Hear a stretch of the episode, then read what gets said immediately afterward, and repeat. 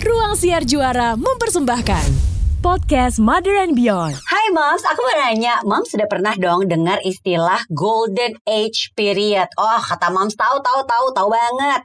Nah, sebenarnya mungkin kalau buat yang belum tahu, ini istilahnya tuh artinya adalah masa emas tumbuh kembang anak uh, di awal kehidupan mereka. Tepatnya nih Moms, di usia 0 sampai 5 tahun. Nah, sebagai orang tua, kita harus banget nih memperhatikan uh, apa ya, memberikan perhatian ekstra lebih tepatnya ya untuk mendukung perkembangan si kecil ini. Gak cuma aspek dari sisi fisik dan juga kognisi aja moms tapi perkembangan emosi si kecil juga harus loh kita perhatikan karena dengan memiliki kecerdasan emosi ini bisa membantu mereka untuk beradaptasi dan juga berpengaruh pada perilaku ketika mereka dewasa nanti. Nah, gimana caranya sih sebenarnya memberikan stimulasi yang tepat untuk mendukung kecerdasan emosi anak kita yang ternyata punya peranan penting ini? Nah, pasti penasaran dong sebenarnya seperti apa sih tahap perkembangan emosi si kecil ini? Langsung aja yuk kita ngobrol-ngobrol sama Mbak Erviana SCS PSI, psikolog dari Resourceful Parenting Indonesia atau yang akrab dipanggil Mbak Vivi seputar stimulasi emosi anak di podcast Mother and Beyond kali ini. Hai Mbak Vivi, apa kabar? Halo, baik. Ini ini kalau selama ini kan banyak orang tua fokusnya uh, untuk perkembangan itu lebih ke fisik, hmm, ya kan iya. kesehatan, iya. gitu kan, kecerdasan otak Betul. gitu kan ya. Apalagi akhir-akhir ini ya, ya pandemi ya. Bener. Nah tapi ternyata ada satu yang nggak boleh dilupakan dan hmm. ternyata juga cukup punya peranan penting yaitu ya. uh, perkembangan emosi atau kecerdasan emosinya mereka. Nah mungkin aku nanya dulu, hmm. seberapa penting sih memberikan stimulasi untuk mendukung kecerdasan emosi anak? Ya, uh, kalau bilang seberapa penting pasti sama pentingnya ya. dengan tadi ya. uh, apa kebutuhan untuk menjaga uh, kesehatan fisik, ya. tumbuh kembang mereka gitu ya. Karena apa? Karena kalau ada salah satu saja dari tahap perkembangan yang tidak berjalan dengan baik, hmm. pasti uh, akan menemukan kendala-kendala, terutama ya nanti di mulai sekolah dasar. Ya, jadi tetap penting banget ya kecerdasan ya. emosi itu seperti halnya kecerdasan fisik dan juga kecerdasan uh, kognisinya Kognitif, juga ya, Mbak ya. Nah, seperti apa sebenarnya tahapan perkembangan emosi anak? Karena kan nggak terlalu terlihat. Kalau fisik itu kan terlihat gitu kan ya. Uh, kecerdasan uh, kognisi juga terlihat jelas. Hmm. Nah, kalau emosi ini seperti apa nih tahapannya? Iya, jadi itu sangat tergantung dari uh, perkembangan sebetulnya perkembangan fisik juga hmm. ya. Hmm. Pada saat anak uh, mulai belum bisa bicara gitu kan, mereka hmm. hanya bisa komunikasi dengan menangis yeah, ya. Yeah. Nah, itu adalah luap uh, bentuk ekspresi emosi mereka hmm. gitu. Jadi bukan berarti wah mereka kan belum tahu, belum yeah, punya perasaan yeah, gitu yeah, ya. Yeah. Terus kita main gendong kita atau gitu ya. kita uh, bentak dan sebagainya hmm. seperti itu. Jadi bagaimana mereka merespon waktu digendong hmm. itu kan dari bayi gitu ya. Hmm. Mulai besar mereka sudah mulai bisa dengan bahasa yeah. gitu ya. Sudah mulai enggak gitu yeah, yeah, yeah, maunya ini dan yeah, sebagainya yeah, yeah. gitu ya itu tahap-tahap egosentris mereka mm-hmm. gitu lalu mulai berkembang lagi tahap di mana mereka sudah mulai uh, menyeimbangkan antara apa yang saya dapatkan di rumah dan mm-hmm. di luar gitu ya mulai tahap sekolah formal hmm, gitu ya. Nah pada saat sekolah formal mereka sudah mulai nih membandingkan dengan teman apa yang dilakukan oleh guru dan dilakukan oleh uh, orang di rumah gitu. Nah itu uh, mereka sudah mulai mengekspresikan emosi. Okay. Tapi makin ke uh, atas bertambah lagi, makin ya. bertambah umur itu sudah mulai keep gitu Justru ya. Iya, okay. karena gak menurut lagi ya. enggak. Jadi menurut mereka ah ini layak atau enggak untuk ah. saya ekspresikan atau saya sedang emosi ya? betul, okay. saya sedang rasakan apa. Hmm. Itu mereka mungkin juga bingung. Nah, ini yang kita uh, lihat kalau dibilang tahap perkembangan sangat disesuaikan okay. dengan usia. Okay. Uh, eh, seperti itu. Nah, kalau jenis-jenis emosi pada anak ini sendiri hmm. sebenarnya apa aja sih, Mbak? Kita tahu sedih, senang, hmm. marah. Udah Iya. Tiga doang tahunya Mams ya. Iya, sebetulnya uh, emosi yang ada penelitiannya sama Paul Ekman itu ada lima ya. Oke. Okay. Uh, eh, ada filmnya tanpa menyebut nama ya, nama yeah. filmnya ya. yang ada joy, kemudian ah, ya nah bener, bener, bener. itu ada Anger, ada ya. Ba uh, bahagia, kemudian marah, kemudian ada uh, sedih, uh -huh. kemudian ada uh, digis ya, ya, apa ya. jijik gitu ya, ya kalau ya, bahasa ya, kita ya. mungkin nggak uh, pas tapi risih sebetulnya ah, ya okay, okay, okay, nah okay. seperti itu nah hmm. tapi kan kita selalu hanya positif atau negatif kita suka bilang emosi yang positif atau negatif padahal Betul. sebetulnya turunannya banyak nah ini sebetulnya yang harusnya sudah mulai diajarkan ke anak sedini mungkin Sejak dini ya. iya Oke, nah Mbak Vivi, hal-hal apa aja sih sebenarnya yang mempengaruhi Hmm. eh, perkembangan dari emosi anak ini sendiri? Karena ternyata itu juga harus dilatih ya istilahnya ya, nggak nggak tumbuh begitu aja ya ternyata Betul. ya. Iya, jadi eh, ini juga sangat terpengaruh dari perkembangan. Jadi sebetulnya anak masih bayi Hmm. gitu ya, dia ada tahap di mana dia merasakan secure dan insecure.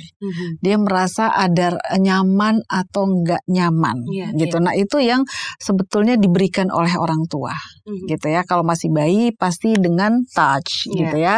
Semakin besar semakin berkembang dengan bahasa dan sebagainya gitu. Jadi eh, emosi di sini sebetulnya bukan hanya macam-macam emosi saja, Hmm. bukan hanya mengenal emosi saja, tapi sebetulnya eh, di anak diajarkan apa sih yang dia rasain Mhm. gitu. Bahkan kalau dari bayi itu udah bisa loh. Hmm. Eh, kamu nyaman ya kalau dielus. Ah, Eh, kalau oke. mama giniin kamu nyaman. Jadi itu dikenalkan. Iya, iya, gitu. iya, iya, iya, Jadi sampai besar dia tahu, ma aku nggak nyaman untuk apa, Mhm. ma aku seneng kalau apa. Nah Hmm. itu sebetulnya. Oke. Dan sejak kapan nih kita sebagai orang tua bisa memberikan stimulasi uh, emosi kepada anak dari Hmm. bayi benar-benar dari bayi itu di Ya. saat mungkin uh, proses menyusui itu kan adalah yang tahapan paling awal kan kita mengasihi Betul. itu kan Mm-mm. itu juga sebenarnya salah satu cara untuk kita menstimulasi emosi mereka ya. Iya, bahkan dari kandungan. Ah, baik. Ya pada saat kita Ya, ya, ya. kita mengenalkan, mama lagi sedih. Mhm, mhm. Tapi nanti juga datang kan papa misalnya kayak gitu itu Hmm. kita udah ajak ngobrol kayak gitu Oke, sambil oke, dielus perut oke. kita jadi eh, emosi itu kan eh, mungkin orang bilang ah dia dalam kandungan. Tapi sebetulnya kan terjadi pada saat peredaran darah detak jantung kita. Nah itu sebetulnya bisa kita eh, terjemahkan sebagai itu adalah ekspresi-ekspresi emosi. Mama deg-degan nih kamu ngerasain nggak? Kayak gitu. Oke. tapi tenang aja ya yang kayak gitu. Itu Oke. sudah sebetulnya dari dalam kandungan bisa kita eh, latih dan kenalkan. Nah, cara menstimulasinya gimana? Kalau tadi Hmm. yang tadi Mbak Vivi sampaikan tuh banyak dengan komunikasi, lalu sentuhan fisik. Apakah memang itu cara-caranya Hmm. atau memang ada cara-cara lain lagi dan apakah setiap anak itu punya cara yang berbeda-beda nih dalam menstimulasi perkembangan emosi mereka nih? Eh, kalau mau jujur sebetulnya bagaimana anak mengenal emosi mengekspresikan emosi itu biasanya nggak jauh dari apa yang dilakukan oleh orang tuanya Ah, gitu ya. Jadi eh, makanya tadi orang tualah yang memang mengajarkan, mengenalkan, mencontohkan bahkan ya. Hmm, hmm. Karena mereka nggak dapat karena perasaan itu kan tidak tidak Hmm. dapat terlihat gitu ya. Hmm, Jadi dari perilaku tertentu maka kita naming itu adalah bentuk dari happy. Tadi mama peluk kamu karena mama kangen banget Hmm, gitu kan. hmm, Maaf ya tadi mama agak melotot karena mama kaget loh kok kamu gitu atau mama sebel kok kamu udah dikasih tahu seperti itu. Jadi em, nggak bisa kita bilang pokoknya mama lagi sedih gitu. Apa bentuknya gitu ya. Jadi eh, perasaan itu akan terwujud dari perilaku-perilaku. Nah, perilaku itulah yang kita Hmm. eh, sebutkan atau kita katakan ke anak. dan menyebutkan penyebabnya juga ya kayak tadi mama Ya. sedih soalnya gitu ya. Betul. Harus dijelaskan juga ya Mbak Vivi ya. Karena kalau enggak kenapa sedih Iya, atau iya, oh iya. boleh sedih terus-terusan Iya, iya, iya, gitu ya iya, atau iya. oh boleh marah Mhm. gitu kan. Nah, mereka nggak tahu kenapa marah dan kenapa perlu marah Hmm. gitu ya atau ekspresi marah yang kayak begitukah yang Hmm. harusnya saya eh, lakukan Iya, iya, iya. gitu. Tadi Mbak Vivi bilang orang tua nih yang mencontohkan Hmm. anak-anak tentang uh, menstimulasi emosi. Berarti memang kita juga suka memperhatikan ya orang tua yang suka memendam emosinya, cenderung diam, itu anak juga biasanya suka mengikuti ya. Iya. Atau bisa juga malah jadinya kebalikan karena mungkin nggak tahu juga caranya, Mbak Caranya. Vivi ya. Mm-mm. Oh, jadi penting untuk kita mengajarkan anak uh, mengenali dan memahami masing-masing emosi yang dirasakan. Mm. Soal menstimulasi emosi anak, apakah dengan kita menyekolahkan anak sejak dini nih atau mungkin kan kita tahu ada playgroup, Hmm. ada kelompok bermain atau ada kayak banyaklah kegiatan-kegiatan yang sudah bisa diikuti sejak dini nih sama anak-anak itu juga merupakan cara yang efektif untuk mendukung stimulasi kecerdasan emosi anak nih. Hmm. Dan apakah sebaiknya porsi memberikan stimulasi emosi itu harus banyakkan di rumah atau atau gimana nih? Apa dari luar rumah nih? Uh, sebetulnya sangat tergantung dari uh, tahap mereka uh, sekolah mm-hmm. ber, dan berkegiatan okay. gitu ya. Jadi uh, pasti diawali di rumah. Okay. gitu ya diawali di rumah dan sebisa mungkin anak juga mengenal emosi dan cara mengekspresikan yang baik itu dari hmm. orang tua Okay. Karena orang tua adalah orang yang dia anggap orang yang paling benar tanda kutip, ya, gitu benar, ya. Benar. Uh, orang tua lalu nanti mulai sekolah, iya, sekolah ya, guru, ya, ya, gitu ya. ya, ya. Mulai lagi men, apa meningkat teman, teman oh, gitu ya. Jadi ngaruh banget, itu gitu ya. Jadi ah mama semalam ini bilang begini, tapi ya, ternyata ya. temanku bisa kok begini, yang kayak gitu. Jadi uh, itu sangat tolong dilihat uh, anak saya sedang dalam usia seperti uh, berapa, kemudian interaksi dia dengan siapa hmm, aja. Nah, berarti orang-orang tersebutlah yang uh, dalam lingkaran akan mengajarkan dan mempengaruhi cara anak saya mengekspresikan emosi. Oke. Jadi memang meletakkan mereka di lingkungan yang pas tuh penting banget ya atau apa ya keeping them apa ya di berada di circle yang baik itu penting banget ya. Ya, uh, observasi orang tua. Ah, ya karena okay. masalahnya kan kita nggak bisa uh, menempatkan anak kita selalu di tempat yang betul aman sih, betul sih. buat kita betul, gitu ya. Betul. Jadi minimal observasi dari dari orang tua. Oh, anak saya di temannya yang kayak begini. -hmm. Apakah saya bisa oh, jangan berteman dengan itu nggak oh, bisa, bisa juga, juga gitu ya. Uh -huh. Berarti yang saya lakukan adalah mengobservasi mm-hmm. teman-teman mm -hmm. dia itu kayak apa per, hmm. perilakunya, hmm. perlakuan ke anak saya seperti apa. Hmm. Berarti di rumah saya yang bantu dia. Oh teman kamu yang ini seneng begini ya, seneng ngomong yang kayaknya nggak enak ya, kasar ya. Terus kamu gimana? Jadi kita yang membantu anak kita untuk bagaimana menyikapi uh, yes. dunia luar.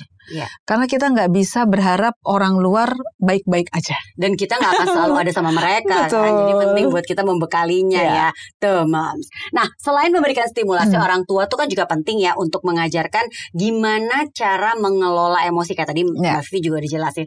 Nah gimana nih langkah awal kita harus mengajarkan mengajarkan anak-anak kita hmm. untuk mengelola emosi. Karena kan mungkin awalnya anak taunya ya kan aku lagi sedih, aku mau nangis aja, aku lagi hmm. marah, aku mau lempar-lempar aja gitu kan ya. ya. Nah itu gimana? Itu harus dikelola ya nggak sih Betul. Mbak? Sebelum mengelola, sebetulnya yang pertama dilakukan adalah naming. Bagaimana ah, dia itu ya? emosi itu uh-huh. emosinya apa? Uh-huh. Kamu marah, hmm, rasanya gimana? Uh-huh. Gitu. Sebel mungkin. Hmm, gregetan mungkin. Jadi hmm. berbagai uh, turunan ya. Kalau ah. kita bilang marah itu kan ada turunannya, ya, misalnya ya, ya. Uh, sebel, kecewa, kemudian kecewa, ya, ya. sakit hati ya, dan sebagainya. Nah itu kita bantu. Okay. Kalau masih kecil kita bantu untuk menyebutkan. Tapi hmm. kalau sudah mulai terlatih, kita bisa tanya, hmm. lalu kita coba diem. Biarkan dia merasakan sebetulnya hmm. apa yang terjadi. Hmm. Karena penanganannya pasti beda kan. Hmm. Kalau marah itu um, terhadap apa, hmm. apa yang dia rasakan, hmm. merasa dihina, merasa tidak dihormati atau apa, sehingga penanganannya tepat dan dia tidak uh, tidak merasakan bahwa dunia ini runtuh gara-gara marah. Hmm gitu. Oh ternyata ya, ya, aku ya, hanya kecewa. Ya, ya, Kecewanya ya, ya, ya, pada apa? Tadi pokoknya tadi aku sebel banget, aku kecewa banget yang mana kamu kecewanya? Hmm. sama teman-teman biasanya kalau uh, tidak terbiasa tuh hanya sepotong-sepotong ya, gitu ya, ya, ya, ya. sama temen gitu. Temenmu yang mana? Hmm, banyaklah gitu. Oke yang mana? Yang seperti apa? Mereka melakukan apa sampai kamu marah? Hmm. tadi itu aku lagi ngomong terus tiba-tiba pada pergi aja gitu. Hmm, hmm. Nah, artinya di situ kita terus bisa uh, mengupas itu sampai akhirnya oh ternyata hanya dua orang hmm. gitu loh. Jadi kita mengajarkan pada anak kita juga tidak menggeneralisasikan yeah, semuanya yeah, yeah. sehingga iya. duniamu runtuh gara-gara yeah, teman yeah, satu yeah, sekolah. Sama tidak mendramatisir ya. Yeah. yang jadinya kalau anak-anak tuh bilang ih lebay, lebay, lebay. Nah, nah itu mungkin part of yang tadi ya tidak mm -hmm. diajarkan untuk bisa uh, apa ya merasakan, mengidentifikasi Betul. lalu uh, apa ya tadi menceritakan akan sampai uh, akhirnya bagaimana yeah, saya yeah, harus yeah. bersikap yeah, gitu yeah, kan. Yeah. Oke okay, oke. Okay. Oh menarik ya Moms ya. Oke, okay, aku mau baca pertanyaan yang masuk ini dari Mom Winda. Bagaimana hmm. sih caranya mengontrol emosi anak laki-laki supaya uh, agar tidak bernada tinggi? Usianya udah mau enam tahun, udah dicontohkan nih eh, dan disounding nih sama orang tuanya nih kalau ngomong tidak bernada tinggi ke anak. Nah ini bener nggak nih caranya? Dan Iya. kalau masih memang kok udah dicontohin masih bernada, mer- bernada tinggi juga, itu kenapa ya? Ya, enam tahun. Enam tahun itu kan sudah mulai masuk. Ada yang udah mulai masuk SD ya. Ya. Ada yang masih TKB juga. Nah ini mereka udah mulai ngerasa gede, Iya sih, iya gitu sih, ya. benar. Mereka, mereka udah mulai ngerasa beda dengan bocil, Iya, gitu ya. Aku udah gak bocil lagi, gitu ya. Jadi ada iya, iya. semacam menunjukkan keakuan aku, Oke. gitu. Karena aku udah udah gede. Gitu. Jadi berani untuk bersikap. Dan satu lagi mereka sudah mulai masuk pada lingkaran pertemanan yang lebih luas, Hmm, sehingga mereka punya banyak contoh mengekspresikan sesuatu. hmm. Dan mungkin ada yang dianggap keren, Hmm. gitu ya. Kayak tadi kan fase anak temen tuh udah jadi uh, panutannya mulai gitu kan. gitu. Nah, iya iya iya oke, oke, Jadi oke. em, apa menentang itu bagi mereka tuh keren. ah iya iya gitu. rebel tuh keren gitu ya. Iya, karena kan eh, nggak harus nurut Iya iya. gitu. Aku bukan anak kecil lagi, jadi Iya, aku nggak harus nurut gitu. Iya. Itu bisa jadi Hmm. gitu ya. Jadi coba ini dipahami dulu. Oke, kamu memang rasanya kayak gitu. Eh, tapi bahasanya kamu boleh nggak? Mama nggak enak loh dengernya. Jadi Hmm. kita membantu dia bahwa orang lain tidak nyaman dengan apa yang dia katakan. Itu dulu gitu ya. Jangan langsung nggak boleh, nggak bagus kayak gitu. Itu Hmm. hmm, iya emang sih nggak bagus. Terus kenapa dalam hati kayak Oke, gitu? Oke, so gitu kata mereka ya. Iya, iya. Oke oke oke. Jadi memang harus diberikan penjelasan. ya? penjelasan. Cuma memang ma, eh, saya paham banget ya sebagai seorang ibu nggak cuma satu anak ya, ada ada yang lain ta- eh, memang butuh pelan-pelan gitu. Hmm. Sekali dua kali kita lakukan eh, mungkin belum Ya. manjur gitu ya. Ya, Dia ya, belum ya. berubah. Kali ya. Tapi yakinlah bahwa apa yang kita tanamkan suatu saat dia akan ingat dan oh saya tahu apa yang harus saya lakukan. Keyakinan itu tuh perlu karena Hmm. banyak sekali yang saya temukan ibu-ibu tuh udah mulai putus asa. Satu, dua, tiga Hmm. kali aduh udah deh emang nggak bisa, nih, diatur udah gitu. tahu ah, gitu Terus ya. akhirnya nyerah. Akhirnya Hmm. kita yang jadi membalas Hmm. perilaku mereka Oke. gitu kan. Eh diketusin kita juga ketus. Ya, ya, ya, ya, ya. Gitu. Itu jangan dilakukan ya. Nah, Kembali lagi kita ngomongin soal jenis emosi pada anak nih ya. Hmm. Saat anak marah, meledak-meledak gitu loh. Misalnya Mbak Vivi, eh, apa yang harus orang tua lakukan gitu kan. Maka dia lagi emotionally gitu deh yang wah emosian hmm, banget sih. hmm. Ada pula juga orang tua mungkin yang memilih diam saat anaknya lagi out of control gitu atau mungkin eh, tantrum gitu ya. Apakah mendiamkan anak seperti itu tuh sampai rem, apa emosinya reda dengan sendiri ya sendirinya tuh adalah cara yang tepat. Mm-mm. Ini nih hampir sama nih sama pertanyaan dari eh, Mom Rose eh, Muslika. Gimana caranya mengendalikan anak yang tantrum? Dengan Hmm. dia tuh suka mukul-mukul orang. Gitu. Ya. Nah itu gimana? tuh? Kembali lagi. Semua itu ber, apa ber- berdasarkan tahap perkembangan. Hmm. karena kita perlu tepat dia sedang di tahap apa maka saya harus Ah, harus oke. merespon apa Oke, gitu ya. Jadi nggak semua anak hajar dengan cara yang sama Hmm. gitu ya. Kalau anak yang lebih kecil balita itu biasanya masih touch Oke, gitu ya. oke. jadi memang memegang tangannya memeluk dan sebagainya itu powerful. Iya, gitu Itu balita. ya. ya tapi kalau udah mulai gede kan udah gak mau tuh ya bener. Oh, Digandeng aja udah gak mau. dia sebel terus kita meluk itu makin di reject sama dia Mm-mm. gitu ya jadi oke mungkin hanya pegang saja sentuh saja Hmm, gitu ya oke Oke. oke gitu jadi eh, membantu supaya dia tidak makin Ya, ya, ya. ya karena eh, kalau kita membalas Hmm. dengan eh, frekuensi yang sama dengan dia untuk marah maka akan terus naik terus naik Oh. gitu. Tapi kalau Escalating. dia segini, kita coba segini untuk kayak mau narik dia untuk turun. Ah. Jadi nggak langsung dinasehatin, Ah, nggak langsung dikasih tahu yang bener apa. Hmm, hmm. Tapi oke, ibu paham. Oke. Oke, mama Oke. paham.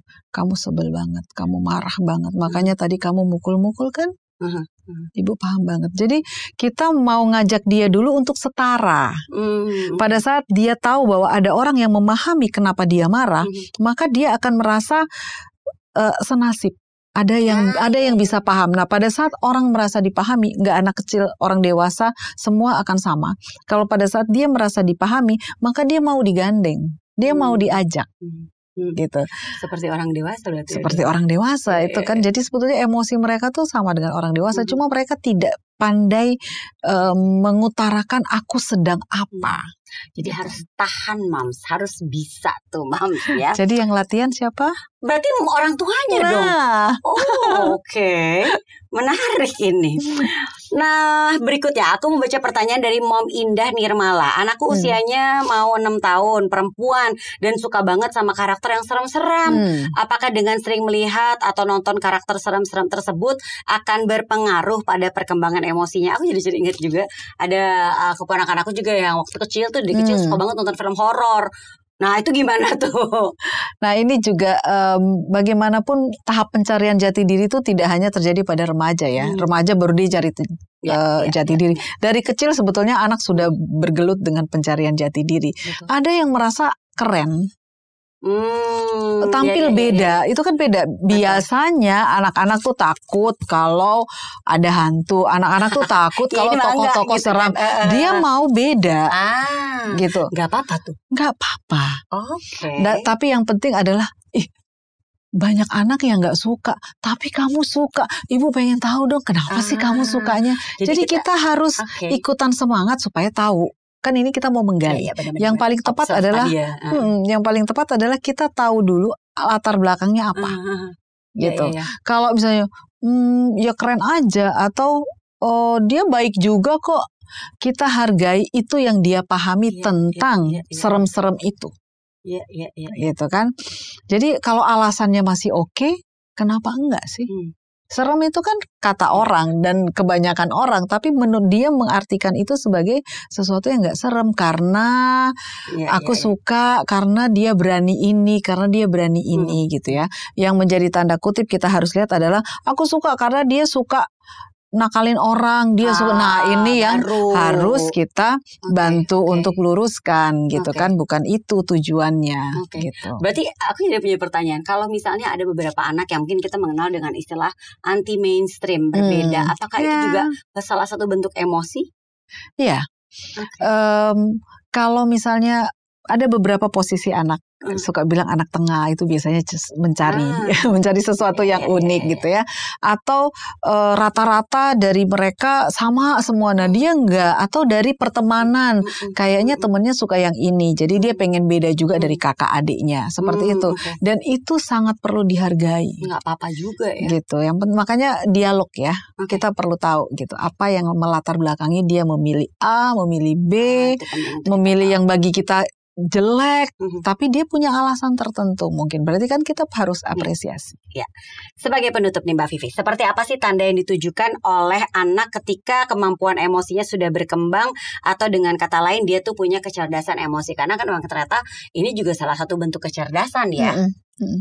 Eh, mengelola kan. Eh, orang cerdas Iya, itu kan iya, iya, artinya betul, orang yang betul. cukup mampu mengelola, Iya. orang yang cukup mampu mengendalikan. Mhm. Ya, mengendalikan. Oke, kapan saya harus marah, kapan saya menunjukkan marah saya, atau dengan cara seperti apa? Itu tandanya sebetulnya. Tapi boleh, emosi itu kan boleh, dan itu yang eh, mungkin kita orang timur ya Iya, iya, agak iya. nggak boleh marah Iya, gitu ya. Eh, nggak boleh mengemukakan kekesalan kamu dan sebagainya Mm-mm. gitu. Nah ini yang harus pada saat anak menampilkan itu nggak di situ juga sih Oke. kita kasih tahu. Mungkin di rumah gini, tadi kamu sebel banget sama tante itu ya, Hmm, gitu kan. hmm, Seret banget nanya-nanya Iya, kamu terlalu ini ya. Mama juga kalau misalnya ditanyain kayak gitu juga sebel. Hmm. gitu. Cuma kita coba hargai ya. Mungkin Iya, tante iya, nggak tahu. Itu kita bantu. Tapi kan tante ini kita terima. hmm. Jadi nggak yang nggak bisa. Kamu tetap harus paham bahwa tante itu bla bla bla. Mm-mm. Nggak bisa gitu. Jadi kalau misalnya dia pun tidak terima, oke, ya ibu Oke. paham. Itu dulu. Oke, oke. Gitu. Karena nanti dia semakin besar dia makin tahu. Ya, oh ya, oke, ya, ya, kenapa ya. harus begitu dan Ya, ya. sebagainya. Ya. Jadi ada tahap-tahap yang kita terima dulu gitu. Hmm. Tapi di rumah. Oke. Makanya pembahasan yang detailnya sebaiknya private, tidak di Ah. depan orang yang em, menyebabkan dia emosi. Mm-mm. Oke. Jelas banget kan Moms ya membahas tema cara tepat stimulasi perkembangan emosi anak. Terima kasih buat Moms yang sudah menyaksikan dan juga mendengarkan podcast kita hari ini bersama dengan Mbak Erviana atau Mbak Vivi, eh, Mbak Erviana SC SPSI, psikolog dari Resourceful Parenting Indonesia. Semoga apa yang disampaikan hari ini bermanfaat untuk kita semua dan juga kita bisa mengajarkan anak kita nih uh, gimana caranya juga kita mengasah kecerdasan emosi anak. Terima kasih Moms, terima kasih Mbak Vivi. Sama-sama, Sampai ketemu Mbak lagi. Moms. Oke. Bye. Thank you for listening to podcast Mother and Beyond. Untuk info menarik lainnya, klik motherandbeyond.id serta follow Instagram, Twitter, dan TikTok at motherandbeyond.id, Facebook, dan subscribe YouTube channel Mother and Beyond. Mother and Beyond, your guide to motherhood and beyond.